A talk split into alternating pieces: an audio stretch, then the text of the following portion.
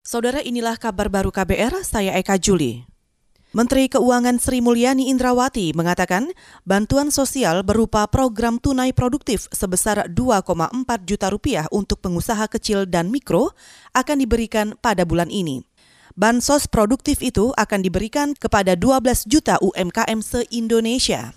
Meskipun sampai saat ini pemerintah masih memverifikasi data UMKM yang berhak mendapat bantuan itu kapan akan diluncurkan kita rencananya yang 2,4 juta ini dengan data yang ada yang sekarang ini sedang dikelirkan akan diluncurkan pada bulan Agustus ini mungkin sesudah atau pada saat uh, eh, 17 Agustus nanti oleh Bapak Presiden atau menterinya yang memang ini programnya sudah diumumkan.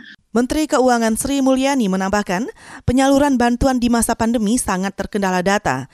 Sri Mulyani mengatakan data yang dimiliki pemerintah kebanyakan data lama yang kemudian diperbarui saat pandemi.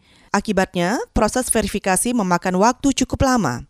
Sri mengatakan untuk bansos produktif itu, Kementerian Keuangan menyediakan anggaran 28,8 triliun untuk disalurkan. Saudara Asosiasi Pengusaha Indonesia atau APindo meminta bantuan langsung tunai atau BLT untuk pekerja dengan gaji di bawah 5 juta rupiah per bulan tidak menyasar pekerja formal saja. Ketua Kebijakan Publik APindo, Sutrisno Iwantono mengatakan, saat ini banyak pekerja informal yang juga masih bergaji di bawah standar itu. Selain itu, ia menyebut sebagian besar pekerja informal yang berasal dari UMKM itu juga tidak didaftarkan dalam kepesertaan BPJS Ketenagakerjaan oleh perusahaannya. Yang kerja di, yang formal-formal ya sudah daftar itu BPJS Ketenagakerjaan. Tapi pertanyaannya ini bagaimana yang bekerja di sektor informal yang pasti dia tidak ikut BPJS. Kalau seperti itu nanti bagaimana? Ini kan nggak dapat nanti. Jadi di restoran di mana itu kan banyak. Dia dapat apa nanti? Usaha-usaha kecil mikro itu kan tidak ada yang mendaftarkan BPJS karyawannya. Ketua Kebijakan Publik Apindo, Sutrisno Iwantono, mendorong para pengusaha untuk memastikan manajemen perusahaan agar segera mendaftar karyawannya yang bergaji di bawah 5 juta rupiah agar bantuan itu bisa diterima tepat waktu sesuai rencana pemerintah, yakni September 2020 mendatang. Kita ke mancanegara. Perdana Menteri Thailand Prayut Chan Ocha mengecam aksi demo para mahasiswa.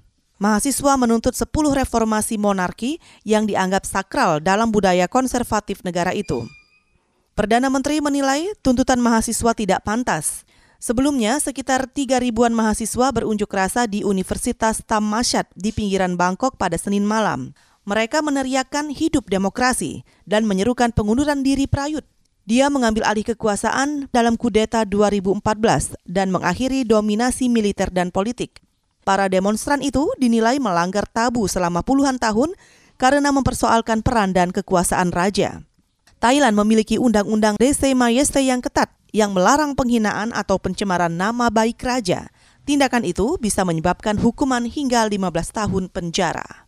Saudara, demikian kabar baru. Saya Eka Juli.